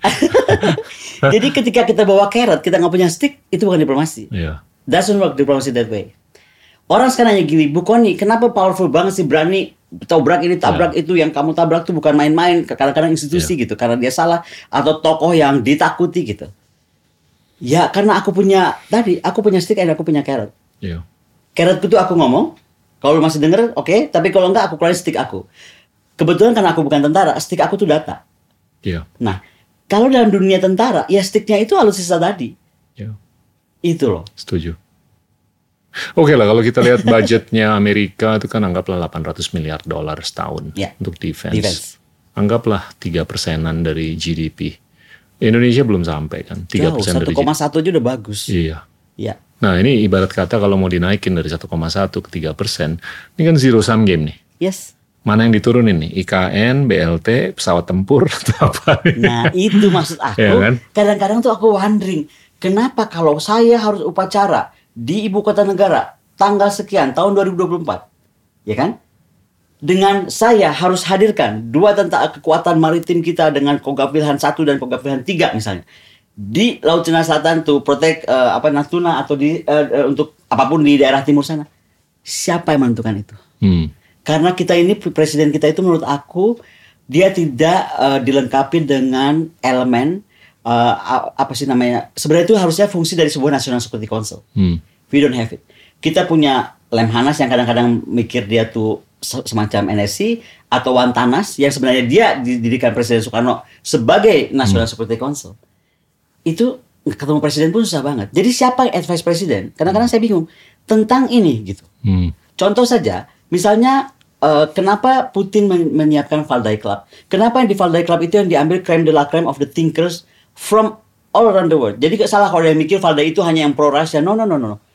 Ada Jeffrey Star di situ, ada Kanada, ada semua. Inggris di situ dari Cambridge, dari Oxford. Yang sebenarnya dia mau dengar apa sih kalau Rusia melakukan this or berpikir that kita menurut anda apa? Iya. Itu baru level thinker Iya. di kita thinker seperti aku pernah ketemu so eh, ketemu Menko lagi kalau menteri kementerian masih apa eh anda akademisi oke saya udah tahu pikiran anda. Kita karena kita ada dua. Anda kan cuman berteori halu gitu. Itu aku tuh rasanya ya aku ngacung loh. Aku coba ngacung coba ngomong aja. Kalau gitu kita nggak usah. Saya nggak usah di sini dong. What's the point? Tapi yang saya pingin bilang sama beliau anda lupa ya kekuatan pikiran itu merubah dunia loh. Yang merubah dunia itu bukan pikiran. Do you think Soekarno merubah memerdekakan Indonesia bukan karena kekuatan pikiran? It's his thinking and his belief. Ada pepatah. Companies are not run by bureaucracy. They're run by ideas. Exactly. Iya. Kita ketemu kan di satu titik. Saya mau balik ke Quad. yes. Mungkin nggak sih ASEAN itu nggak diajak ngobrol karena dipersepsikan sentralitasnya tuh udah berkurang akhir-akhir ini. Bisa dari satu Gini, sisi. logika tanah abangnya kan kalau kita ngelihat interconnectedness antara India dengan ASEAN itu kecil sekali. Kalau kita lihat dari hubungan ekonomi, perdagangan, investasi dan segala kecil kan. Jadi ya pemahaman mereka mengenai Laut Cina Selatan semestinya kecil kan dalam batas logika kan Untuk India maksudnya. untuk India. Tapi tetap mereka dilibatkan kan. dengan Australia. Mereka malah lebih maju. Jepang. India tuh malah berpikir bahwa Malaka itu adalah national interestnya India loh. Betul. Tapi itu tidak termanifestasi dalam perdagangan. Oke. Iya nggak? Antara Asia Tenggara dengan India. Mereka mungkin ngomong penting sekali, krusial atau eksistensial. Iya kan? Tapi Tapi nggak nyambung dengan data kan? Dari data kalau kita lihat hubungan ekonomi antara India dengan Asia Tenggara, apakah itu dalam perdagangan atau investasi, hmm, jauh lebih kecil daripada hubungan Tiongkok dengan ASEAN. Bahkan Tiongkok itu adalah mitra dagang terbesar untuk seluruh negara Seluruh Asia negara Pasifik, Asia Pasifik. kecuali satu yaitu Bhutan. Nah, ini kan mesti logika yang harus dipakai ya. Ya mau nggak mau harus kita ajak dong ngobrol ASEAN. Kalau emang ada kepentingan geopolitik di situ, atau mungkin ASEAN- ASEAN-nya nggak mau diajak ngobrol. bukan nggak mau dia ngomong. Sekarang coba kita lihat ASEAN dengan mata, kepala dan dengan, dengan hati yang jujur ya. Hmm. How ASEAN's gonna work? ASEAN itu terdiri dari yang simpel aja deh. Aku cuma kasih satu aja PR. Terdiri dari negara-negara yang terlibat dan menandatangani the Five Power Defense Arrangement. Meaning, Ya. something happen with Malaysia, UK dan kawan-kawan akan datang. Something happen with Singapore or Brunei, gitu kan. Jadi Hmm. pasti ada lebih banyak kepentingan those countries Iya. instead of we are as one community. Makanya tadi aku bilang kan bahwa sebenarnya kalau masih dibiarkan hidup, Tan Malaka itu bisa dapat Nobel perdamaian terbesar. Karena dia datang dengan pikiran bahwa yes, semua negara itu harus hidup berdampingan satu sama lain, si buffer zone masing-masing ini, dan semua sama besar. Nah ASEAN, terlepas dari kita punya agreement apa, Yep. dengan kebanggaan apa, rapuh. Karena menurut saya, once dia masih FPDA, ya susah kita untuk merasa kita satu Hmm. keluarga. Karena darah saya biru loh, saya UK gitu kan. yang FPDA. Nah, unless mereka mau bilang, oke, karena kita very care to our community, ternyata lebih pen- penting, kami melihat bagaimana ternyata di sana tidak berjalan seperti itu, oke, lepas FPDA-nya. Itu akan beda. Tapi ya itu tadi saya bilang, di kita tuh ada kebanggaan di, di, di kawasan ASEAN ini, kalau bagian dari FPDA, you are menak gitu loh. Darah biru, ya kan, jadi nggak akan. Tapi masa sih sesederhana itu? Karena ini kan udah dibina dari tahun 67. Semestinya sentralitasnya nih ada kan. Ya, dan Bu- dan Bu- bu- gampang lihat apa kita. Gini ya. ASEAN tuh punya tiga pilar. hmm, Pilar-pilar lain jalan lah, ekonomi, sosial. Saya tanya, kenapa pilar politikalnya nggak jalan? ya. Why? Dianggap high hanging fruit. Karena tadi itu. Kita ada Navy to Navy talk, ada Minister of Defense to Minister of Defense talk, only talk gitu. Apa misalnya realisasinya? Misalnya buat aku nih hayalannya. Hmm. Oke Indonesia tuh ternyata frigatnya cuma tujuh misalnya. Gimana caranya kita bisa operasi di kawasan? Hmm. Ya harusnya kan bisa si navy to navy cooperations to protect the waters. Itu yang sesimpel satu unsur aja nggak bisa. Karena pasti ada kepentingan lain di belakang itu. Cover up-nya bisa apa pun, excuse-nya bisa dibuat. Itu yang merobek ya sentralitas. Itu yang merobek sentralitas. Oke. Itu. Oke, contoh Singapura deh ya. Singapura tuh kan kalau kita lihat penggelontoran untuk militer secara persentase besar. Hmm. Tapi apa pun yang dikeluarkan secara absolut nggak ngaruh Untuk untuk eksistensi mereka kalau ada flashpoint. nggak ngaruh Iya nggak? dalam pengertian bahwa lihat Singapura sendiri. Saya ngelihatnya karena skala mereka yang kecil, walaupun persentase pengelontorannya besar sekali, kalau benar-benar meletup di Laut Sesuatu. Cina Selatan, ini sangat eksistensial kan Betul. pengaruhnya terhadap negara Singapura seperti Singapura dibanding Indonesia yang jauh lebih besar. Ya, Tapi dia mereka kan kelihatannya anteng-anteng aja tuh. punya, aneh kalau dia punya FPDA. Oke, tapi ada keterbatasan juga kan. Walaupun Tapi- bule-bule ini mau datang, Tapi itu is, a- is, a- is another confidence. Kedua juga uh, pinternya Singapura itu kan dia juga masuk dalam rangkai industri pertahanan dunia kan. Hmm, Jadi ini, ini menarik nih. Ketika kita akan bangun sebuah kekuatan pertahanan dan kita tahu berapa banyak misalnya misalnya di di di di, di pandanganku kita paling nggak perlu harus 300 pesawat tempur. siap. Itu kita bisa langsung atur di tiga ber- berarti pabrikan ini dengan kita jangan cuma kita sebagai user tapi kita bisa produksi apa di PT eh, apa DI misalnya yang harus dipakai oleh negara ini ke mana pun dia jual pesawat tempur itu. Ada deal-deal besar yang menurut saya kalau kita lakukan dengan integritas maka eh, defense budget itu adalah menjadi juga eh, apa sebuah sumber keuangan.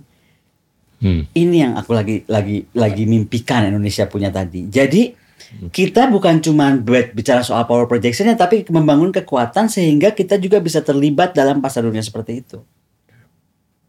Paham, Paham kan? paham. Jadi bu, jadi defense itu bukan cuma spending, tapi malah bisa sebuah titik profit. Makanya ancaman mesti jelas. Kayak sekarang nih, kalau kita kita mau memetakan ancaman, katakan saja misalnya Cina, ya kan, Perancis, ya kan, Australia, Amerika, sebut aja. Tinggal kita hitung kita mesti punya apa. Hmm. Oke lah anggap kita mungkin kalau kapal perang eh, eh, terbatas apa tidak apa yang bisa te- eh, teknologi terkini yang bisa kita cepat bangun drone misalnya kapasitas drone drone sekarang kan pay- payloadnya bisa macam-macam nah tapi ada sesuatu yang ketika kita buat power projection di kita tuh jangan cuma belanja Iya. ini loh pak kita aku sedih Iya. kayaknya kita tuh belanja aja Iya, iya. lupa bahwa ada kekuatan yang secara serius harus kita bangun which is balik lagi ke Rusia keberdikarian Setuju. Setuju. Oke. Oke. Nah, ini kalau kita lihat nggak tahu ya. Kalau suruh milih flashpoint antara Taiwan sama Laut Cina Selatan, saya lebih saya lebih melihat yang lebih akan terjadi duluan kalau terjadi benar-benar itu Taiwan, bukan Laut Cina Selatan. Nggak tahu gimana firasat aja nih. Skala 700 juta manusia di Asia Tenggara. Skala perekonomian 3,3 triliun dolar. Itu nggak gampang dirobek. Jadi secara inherent mungkin masih ada sentralitas. Sebatas apa pun lah. Iya, iya, Mau dirobek dari kiri kanan oleh bule-bule atau apa. Tapi secara intrinsik ini ada Ini nih ada, sentralitasnya. eksis ya. Iya kan? Dan justru ini saatnya untuk kita tuh harus kasih lihat gitu loh.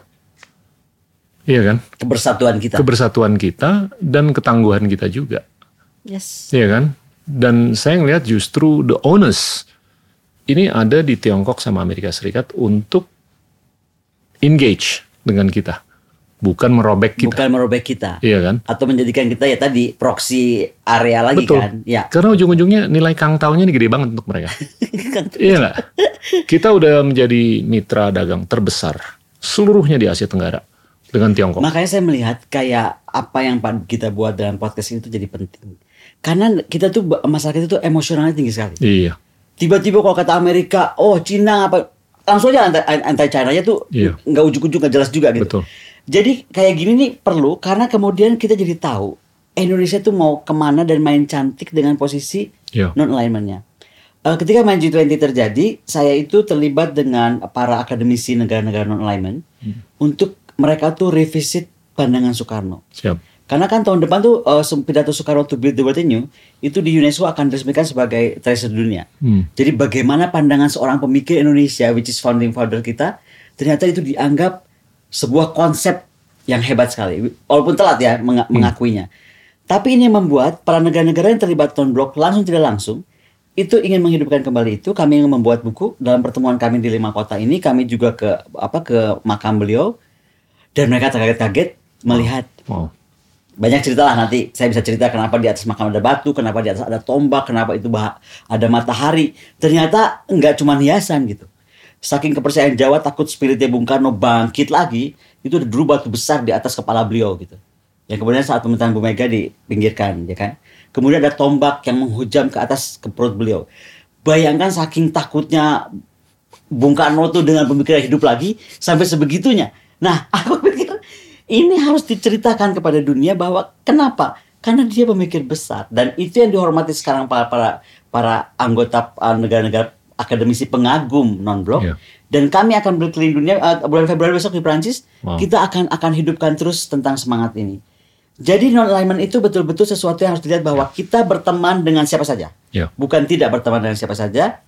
So far uh, itu untuk kepentingan nasional kita dan kepentingan kawasan kita. Itu yang kita mesti lakukan dan dengan gagah berani. Bung Karno coba, itu tahun berapa kita baru merdeka berapa tahun? Iya. Bisa teriak go to hell Amerika, coba. Hebat betul kan? Berani ya kita ngomong gitu? Uh, at the right time. Oke. Tapi gini, sekarang tuh, as you said, aptly, nggak ada desk non-align lagi. Kenapa sih? Jadi gini, saya makanya senang sekali dengan podcast Pak kita dengan Bu uh, Retno karena Iya. Bu Retno ternyata masih percaya online. Iya. Tapi banyak saya nggak usah sebutkan. Iya, padahal dia kan dirjen, ini banget kan. Iya, level yang ngomong, wah aku bukan ngapain masih ngomongin non-alignment movement? Itu is out of date. Aku bilang out of date apanya? Terus tinggal disesuaikan aja dengan kondisi sekarang hari ini. Ba- Perubahannya kan nggak banyak juga. Tetap aja ini perang dingin kok. Iya. Cuman mungkin konstelasinya agak berubah gitu. Dan yang kedua itu adalah sebuah peninggalan yang harus kita hormati bagaimana memikirkan sesuatu yang sangat berbeda. Bayangkan Bung Karno tahun 60-an sudah bilang, fakta-fakta pertahanan dunia itu harus dihapuskan karena itu yang akan membuat masalah. Iya. It happens. Tadi ASEAN kenapa nggak pernah solid sebagai komunitas? Karena tadi udah terkontaminasi oleh sejarah menak tadi FPDA, ya kan? Yang kemudian jadi tumbuh dengan dekuatnya, kemudian tumbuh lagi dan AUKUS. Which is menurut aku itu pengembangan dari FPDA dong. Iya. Nah kemudian eh, apa namanya? Kenapa kita kita tidak tidak berani mengatakan yang sama hari ini? Kalau nggak tahu ya, kalau ini, ini spekulatif dalam arti kalau Australia itu kan bisa dipahami sebagai negara yang mungkin kental dengan caution dan isolation. Jadinya penyikapan mereka, khususnya terkait Indonesia, itu kental dengan caution. Ya kan? Mungkin itu yang menyebabkan mereka nggak mau melibatkan kita sebagai dialog partner. Ya kan? Ayo udah kita ajak yang Jawa aja namanya India walaupun keterkaitan aktivitas ekonominya nggak terlalu gede dengan Laut Cina Selatan atau Asia Tenggara. Kita tuh punya apa. karakter nggak mau ngancem. Padahal kadang-kadang ngancem tuh perlu loh. eh serius. Contoh gini. Oke. Lu nggak mau lu ngomong India. Sementara semua pengungsi-pengungsi itu lewat lewat kita. Kita yang Gini, nampung. Koni. Boleh nggak kalau aku ngomong gini. Oke Australia lu ngomong aja gue aukus. Sekarang semua apa tuh manusia kapal. Yuk kita dorong aja ke sana. Coba. Kita kok kayaknya nggak punya. nggak tahu ya. Pemerintahan itu atau cara bernegara tuh nggak boleh jawani. Iya. Mohon maaf nih Pak kita ya. Iya. Nggak boleh jawani yang apa yang apa sih? Setuju, seribu persen. Iya. Itu gue tuh selalu ngomong orang Indonesia tuh kurang banyak yang jago ngecap di pentas Oh internasional. salah. Kalau ngecap banyak banget. Oh tapi Nggak, pentas di internasional pentas? Iya, internasional. iya, iya. Di dalam negeri, uh ribut. Ribut. Iya kan? Ke Cacophony. Tapi begitu keluar mendarat di airport, Arab. udah Iya. karena nggak bisa bahasa Inggris. Betul. Iya kan? Gini deh, ini, ini agak-agak digress dikit, tapi mungkin nyambung poinnya. Kebayang nggak kalau ada 100 juta orang Indonesia bisa bahasa Inggris? Kebayang. Anggaplah 5 juta dari 100 juta tuh kayak Connie. Kayaknya projection of power kita tuh beda loh. Iya kan? Karena kita tuh kurang bisa Tapi tak dulu, dulu. Bahasa Inggris nggak cukup. Tunggu dulu, ya mau bahasa apa pun lah. Tunggu, tunggu dulu. Kalau kalau menurut saya bahasa tuh yang paling basic, penguasaan bahasa. Oh iya. Karena kalau kita bisa berbahasa, kita bisa berkomunikasi, komunikasi. kita bisa berpendidikan, kita bisa berbudaya, kita bisa ber apa namanya bangsa, terus kita bisa berperadaban. Sequence-nya kayak begitu kan. Tapi kalau kita nggak bisa berbahasa, ujungnya nih sulit nih. Karena peradaban tuh termanifestasi dalam banyak hal yang udah diartikulasikan selama ini. Itu betul. Tapi kalau lihat kalau lihat dari bahasa, aku malah sekarang bangga banget kok. Banyak kok kita yang udah bahasanya sangat bagus ya. Nggak banyak. Dan bukan cuma Inggris. Di bawah 5%.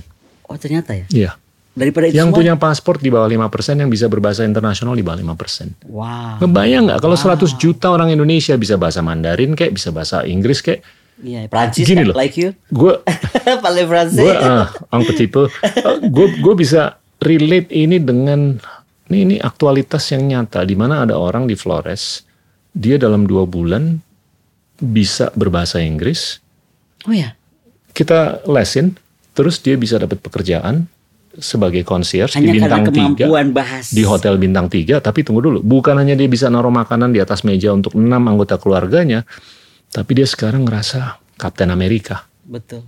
gue bisa nih nah itu confidence ya nggak Nah itu tadi nah itu bilang. manifestasi yang mungkin kita inginkan ke Inginkan depan ke nah itu depan. nanti nyalur tuh ngalir dan nyalur ke apa pun apakah itu postur pertahanan kita kayak postur ketahanan kita yang pangan kayak energi kayak dan lain-lain Makanya tadi aku suka Pak Gita bilang soal confidence. hmm. Jadi gini, berbahasa is one thing, betul, Siap. saya sepakat, apalagi kalau cuma ternyata datanya cuma 5%.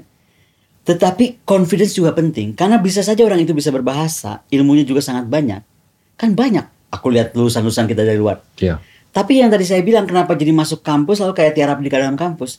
Karena nggak punya confidence to, to speak up, menyampaikan pemikiran, dan jangan salah, menyampaikan pemikiran mungkin satu hal. Ketika pemikiran itu di challenge, banyak yang kita kemudian drop jatuh Iya, atau marah. atau marah gitu. Iya. Padahal menurut saya itu justru We, kekuatan we, kita. we lack the ability to agree to disagree. Iya nggak? Yes. Kalau menurut saya kapasitas untuk sepakat untuk tidak sepakat itu Iya, penting. Itu penting sekali. Itu kekayaan dalam bagaimana kita me- mengawal demokrasi. Iya nggak? I- i- imagine if setuju. you are able to listen to the opinion of Your enemy the even. most Yeah. disliked enemy of yours. Yes. Itu kalau menurut saya keren. Dengan respect. Iya, Iya nggak? betul. Oke, we walk out of here, we agree to disagree. Tapi lu lu udah dengerin pandangan gue, gue udah denger pandangan lu. That's what Itu happened with me dengan Minister of Defense, Pak Prabowo Subianto. Ini aku harus harus klarifikasinya. Karena waktu aku ribut 1.700 triliun itu gila, aku bener-bener uh, sendirian sekali kan. Tapi at satu point kita ketemu. I understand his point of view. He understand my point of view. Oke, dari situ saya nyatakan saya nggak mau involve lagi di Kementerian Pertahanan. Kalau you, you see my track record, semua Menteri Pertahanan sebelum Prabowo itu saya sangat sangat aktif di Kementerian Pertahanan. Sekarang saya kan sangat diam. Udah, karena saya tahu di titik itu aku nggak bisa mengerti ke sana, tapi oke, aku diamkan. Nah, sebenarnya kan itu bagian dari sana, tapi bukan berarti saya nggak bicara. Kami tetap berteman. Saya sakit, saya kena COVID beliau yang, yang pertama langsung kirim obat. Siap. Tetapi yang sudah bahwa Anda menghormati saya, saya menghormati Anda gitu. Jadi salah kalau di luaran ini beredar bahwa wah Bu Koni dibayar kemahan gede banget dia langsung tiarap nggak ngomong. No no no, it's wrong. Kita menghormati ke- ketidak kebersamaan dan perbedaan kita. So please jalankan, waktu akan menjawab. Ya, Am I right? Or you are right? Itu aja kan. betul. Jadi nggak usah terlalu ngotot karena satu hari waktu itu akan men- menjawab semuanya. Dan itu yang juga tidak punya Zelensky. Ngotot aja dulu berani mati mengorbankan rakyatnya. Oke, ini ini Oke. mengenai mengenai tatanan dunia ya. Ya. Dari tahun 45 sampai tahun 89 itu kan bipolar. 89, 91 sampai awal tahun 2000-an unipolar. Dalam unipolaritas itu mudah sekali untuk melakukan multilateralisasi. Karena cuma ada satu orang sebagai polisi, jaksa, hakim, semuanya. dan semuanya lah.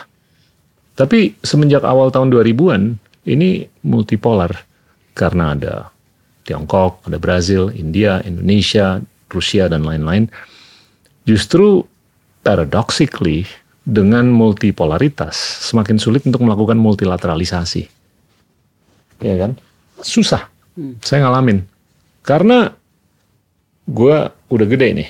Gue bukan anak TK lagi. Yang satunya juga gue udah gede. Jadinya ini apa ya?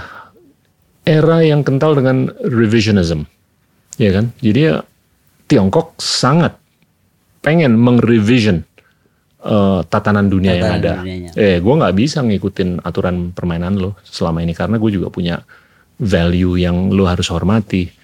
Nah, dengan gontok-gontokan kayak begini, dengan kesulitan untuk kita melakukan multilateralisasi, ujung-ujungnya kan ekonomi ya, susah.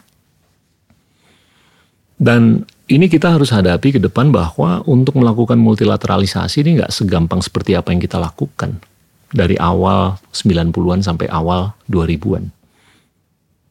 Akhirnya kita harus melakukan bilateralisasi atau pluralisasi. Trilateral, ya. Iya kan? Ya. Dan untuk kepentingan bilateralisasi, plurilateralization itu produktivitas yang paling penting. Karena kalau gua ngejahit baju dalam sejam 25 baju, lo ngejahit baju dalam sejam cuma 5 baju, telap loh. Ya itu yang kan? ini Nah, ini ini, ini ini nih nyambung dengan kepentingan tadi. Kalau kita benar-benar mau mengedepankan pertahanan kita, ini harus ada kail yang mana ini untuk kepentingan industrialisasi juga kan di dalam negeri kan. iya. Nah, kalau itu nyambung, ya orang tuh dari mana pun mau melakukan industrialisasi di dalam negeri kalau kita bisa mempertanggungjawabkan peningkatan produktivitas. Tapi sebagai ilustrasi aja, produktivitas kita itu cuma 24 ribu dolar per orang per tahun. Singapura 191 ribu dolar per orang per tahun. It, it, it, it, it makes complete sense. Kenapa? Dia dari luar tuh mau bekerja sama untuk ST engineering, bangun skrupnya kayak chipnya kayak atau apa untuk roket atau misal atau apa pun. Nah itu kalau menurut saya harus ba- menjadi bagian dari pemikiran secara total. Saya sepakat. Contoh eh, saya mau tarik aja contoh kita tentang kereta api yang mau dibangun, kemudian ada anggapan Cina menginvasi dengan kita Hmm. dengan workersnya. Siap. Ada kan anggapan seperti itu? Pernah nggak ada yang tahu bahwa kemampuan orang Cina bekerja yang si pekerja itu itu jauh lebih produktif dibanding kita. Saya tuh waktu semua orang menuduh kita mau apa ekspor besar-besaran pekerja Cina, terus saya ke China, saya ke pabrik kereta api ini. Ya. Itu kan kayak museum. Dia pabrik bangun di apa Afrika di mana di mana mereka tuh pekerjanya punya paspor khusus. Jadi paspornya bukan paspor kayak kita gitu, paspornya khusus memang paspor kerja gitu. Dan saya tanya langsung kepada chairmannya itu, kenapa kamu nggak bikin ini sama Indonesia? Kenapa kamu lebih banyak pekerja Indonesia itu eh, apa pekerja Cina lebih banyak daripada pekerja Indonesia? Aduh, ini jawabannya pasti jadi nggak enak nih ya. Tapi aku harus harus bilang, faktor produktivitas dia bilang kemampuan pasti bisa semua bisa, tapi orang Indonesia itu banyak breaknya. Kita ada yang majority Islam sholatnya lima waktu, oke, subuh oke dia belum kerja. Bagian zuhur ada yang mau sholat zuhur nih, sholat duha apa tuh? Dia hilang. Dan bukan kalau sholat mungkin cepet pak, tiga menit. Enggak, habis sholat ngerokok dulu, ngobrol dulu. Nanti makan siang, sholat ya kan, sholat duhur beneran. Tadi ada duha ya, terus duhur hilang lagi. Nanti asar hilang lagi. Berapa jam yang terpotong dengan alasan dia mau melakukan ritual agama? Sementara yang di sini, Anda per, per sekian menit harus masukkan seribu sekrup misalnya. Itu yang kita lihat sederhana aja. Dan kita harus jujur melihat diri kita. Jadi kalau produktivitas, makanya aku tuh lebih percaya omongan Mami dulu. Religiositas, religiositas Spiritualitas. atau spiritualitas. Dapat ya? Dapat. Itu. Jadi kadang-kadang kita nggak boleh terlalu banyak blame atau kita playing victim. I hate it. Ketika kita playing victim itu aku benci banget karena I agree. I- Indonesia sebesar, sehebat, segagah perkasa ini enggak pantas untuk playing victim. Terutama hormatilah nenek moyang kita yang Iya. hebat-hebat tadi. Makanya saya kenapa ambil figur perempuan satu ini dan saya akan pahlawan nasional kan akan bersama dengan wakil ketua MPR. Itu pun kita nangis darah. Beliau lagi di Mesir nangis darah dengan berita itu nggak jadi pahlawan, saya nangis darah di Moskow. Tapi itu kan nggak menghabiskan usaha kami untuk mempahlawankan dia. Justru tidak pahlawan nasional, dia bisa jadi pahlawan dunia. Sekarang aku kerjasama dengan Andri, apa national eh, riset kita, arsip kita, kita akan kerjasamakan dengan Andrinya Portugal, kita angkat Ratu Kalinyamat. Sebenarnya kan malu. Kenapa kita mesti mengangkat itu di dunia sana? Hmm. Ya tapi kita nggak punya choice. Nah ini yang mau saya bilang tentang bagaimana kita itu harus mampu merubah nasib kita sendiri, bukan play a victim. Saya ini selama satu jam terakhir nahan pertanyaan. Enggak, karena karena ujung-ujungnya kan oke lah kita boleh romantis dengan masa lalu, Ya. kejayaan kita di masa lalu. Tapi kita juga punya objektif kan yang Ke mulia sekali depan. ke depan. Tapi banyak apa yang kita harus lakukan kita belum bisa lakukan. Ini mungkin berkorelasi dengan watak atau karakter. Di beberapa negara seperti Israel dan Korea dan Singapura itu ada wajib militer. Ya. Pandangan Anda gimana? Wajib militer yang 1000% ar- conscript itu sebenarnya harus. Ya. Di Israel, wajib militer itu dilakukan sejak mereka didetek, sejak mereka masih SMP. Ketahuan nih, ini orang IQ-nya paling tinggi. Ya. Dia calon penerbang tempur. Pesawat orang yang paling IQ paling tinggi kan penerbang tempur. Ya. Yang kedua mereka yang suka dunia maya. Yang ketiga baru nanti yang ahli agama untuk nanti provide eh, apa eh, faktor-faktor agama di para tentara, kemudian yang masak, yang lain-lain. Itu sejak SMP udah didetek. Jadi konskrip itu benar-benar kita tahu dia itu siapa dan apa. Makanya jarang sekali di Israel itu kita ngeliat anak-anak muda yang ngaco gitu. Karena dia sudah ditanamkan apa patriotism. Di kita sekarang tuh konskrip bukan. Jadi ngambang, tapi yang pasti yang pasti budgetnya besar sekali. Tapi pertanggungjawaban yang saya pertanyakan, boleh saya tanya nggak yang dididik itu siapa? Hmm. Pernah kita tahu nggak dia backgroundnya apa? Ya. Jangankan conscript, yang masuk National Defense University kita, itu pernah satu hari begitu lulus dia WA saya. Ibu saya lulus, dan ibu tahu saya siapa? Saya tuh aktivis semacam ISIS lah Hmm. Eh, di eh, Asia Tenggara. Mau pingsan nggak? Berarti kan kita sistem sistem kita menyaring mereka dan Penyaringan. diberi ilmu seperti itu kita nggak tahu dia siapa gitu. Nah, sama dengan yang tadi saya melihat kok bela negara seragamnya lebih keren daripada tentara asli, bootnya lebih mahal daripada tentara asli, senjatanya lebih keren. Sebentar sebentar, ini di mana mereka gitu loh? Dan kita harus jujur. Jadi ah kadang-kadang apa ya itu saya bilang ya eh, kalau saya boleh bilang tuh kembalilah integritas lah saya udah nggak nggak mau panjang lebar pak pak Gita tapi kalau kita memimpin negara ini memimpin ke kementerian ini memimpin pendidikan kita dengan integritas kita akan melahirkan manusia-manusia yang sehat sesuai harapan tadi konskrip beneran karena sekarang kita konskrip bukan tapi bela negara apa juga saya nggak ngerti apalagi ya jangan salah sekarang bisa bedain nggak antara si bela negara sama gada-gada partai kalau kita tidak hati-hati, kita membina, mendidik orang untuk akhirnya saling membunuh saudara sendiri, bukan membunuh musuh dari luar sana. Dan itu PR kita terbesar. Wow. Wow. Endgame Yes. 2045. Where do you see Indonesia?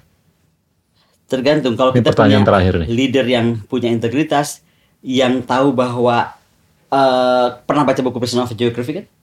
Itu buku menggambarkan bahwa geografi itu bisa jadi kutukan kalau kita tidak tahu cara menggunakannya. Betul. Kita sekarang sangat bangga dengan posisi geografi kita, lupa bahwa kalau kita salah mengelola itu bisa jadi kutukan. So my end game membuka pikiran orang, wawasan orang bahwa Hmm. ini tanah air kita satu-satunya. Ini harus kita pertahankan dan terus kita harus survive. Mau seribu tahun lagi, 2000 tahun lagi dan itu hanya satu yang diperlukan. Integritas dan kemampuan untuk me- menggunakan kekuatan pikiran. Nothing else. Oke, subset dari pertanyaan terakhir ini. Gimana untuk kita bisa memperkaya demokrasi atau demokratisasi dengan kepastian bahwa kita tuh bisa mendistribusikan bukan hanya power to the hands of many, tapi juga integritas pendidikan, modal, dan atribut-atribut lainnya. Mengingat bahwasanya ini ketimpangannya banyak sekali di negara maju, berkembang, dan miskin. Mending ignore the word of democracy deh. Karena demokrasi itu menurut aku akhirnya jadi cuma satu konsep yang nggak dilakukan juga. Ya. Contoh ya kalau tadi yang dipertanyakan, coba kita hitung perang biaya perang perang Amerika di Afghanistan, di Irak di mana? Itu bisa memintarkan berapa juta orang di dunia ini. Kalau memang itu yang mau kita ang- angkat dengan demokrasi kan. Jadi menurut saya udah kita pokoknya intinya gini aja lah. Bagaimana menjadikan negara kita tuh yang tadi punya pride dan integritas dengan nilai-nilai yang kita tanamkan sendiri. Udah, tinggalkan demokrasi itu karena demokrasi itu lebih tidak works buat aku ketika apa yang dilakukan kepada Rusia oleh Amerika Serikat dan kawan-kawan is not democratic at all. Nggak begitu cara demokrasi bisa ambil uang orang sembarangan, Ya. bisa eh, apa apa gas orang di pack sembarangan. Lu siapa kan sebenarnya harus begitu. Tapi ya makanya aku aku jadi dengan demokrasi itu agak-agak lupain terus demokrasi udah yang penting bagaimana kita belajar uh, dari semua kejadian di dunia ini untuk bisa survive dan yang paling penting menghidupkan kembali spirit of the uh, non alignment karena saya percaya betul maksudnya itu adalah bagaimana semua kesejahteraan Ya. pemerataan ya kan keadilan itu benar-benar terdeliver tidak seperti hari ini 1 billion people Ya. driving 7.6 billion people this is unfair Top. Thank you. terima kasih Teman-teman, itulah CRB Koni Bakri. Terima kasih. Inilah Endgame. Itu buku apaan keren banget. 1969 Apa itu? What is that? Buku sejarah. Ah. Wow, cool. But, but actually if you you take this, gitu kan. Yeah, it's kind of cute. Aduh. Thank you. Itu bener gak sih kalau dibalik? Iya, katanya lebih tinggi. Oh ya, Tapi nggak belum lebih ganteng sih ya. Kita harus invest sesuatu. udah. Tuh. Ya, Udah ya, oke, udah. sip. Thank you so Thank you, much. So thank you, buddy. Yes. Yes, okay. Tuh. Hi. Thank you.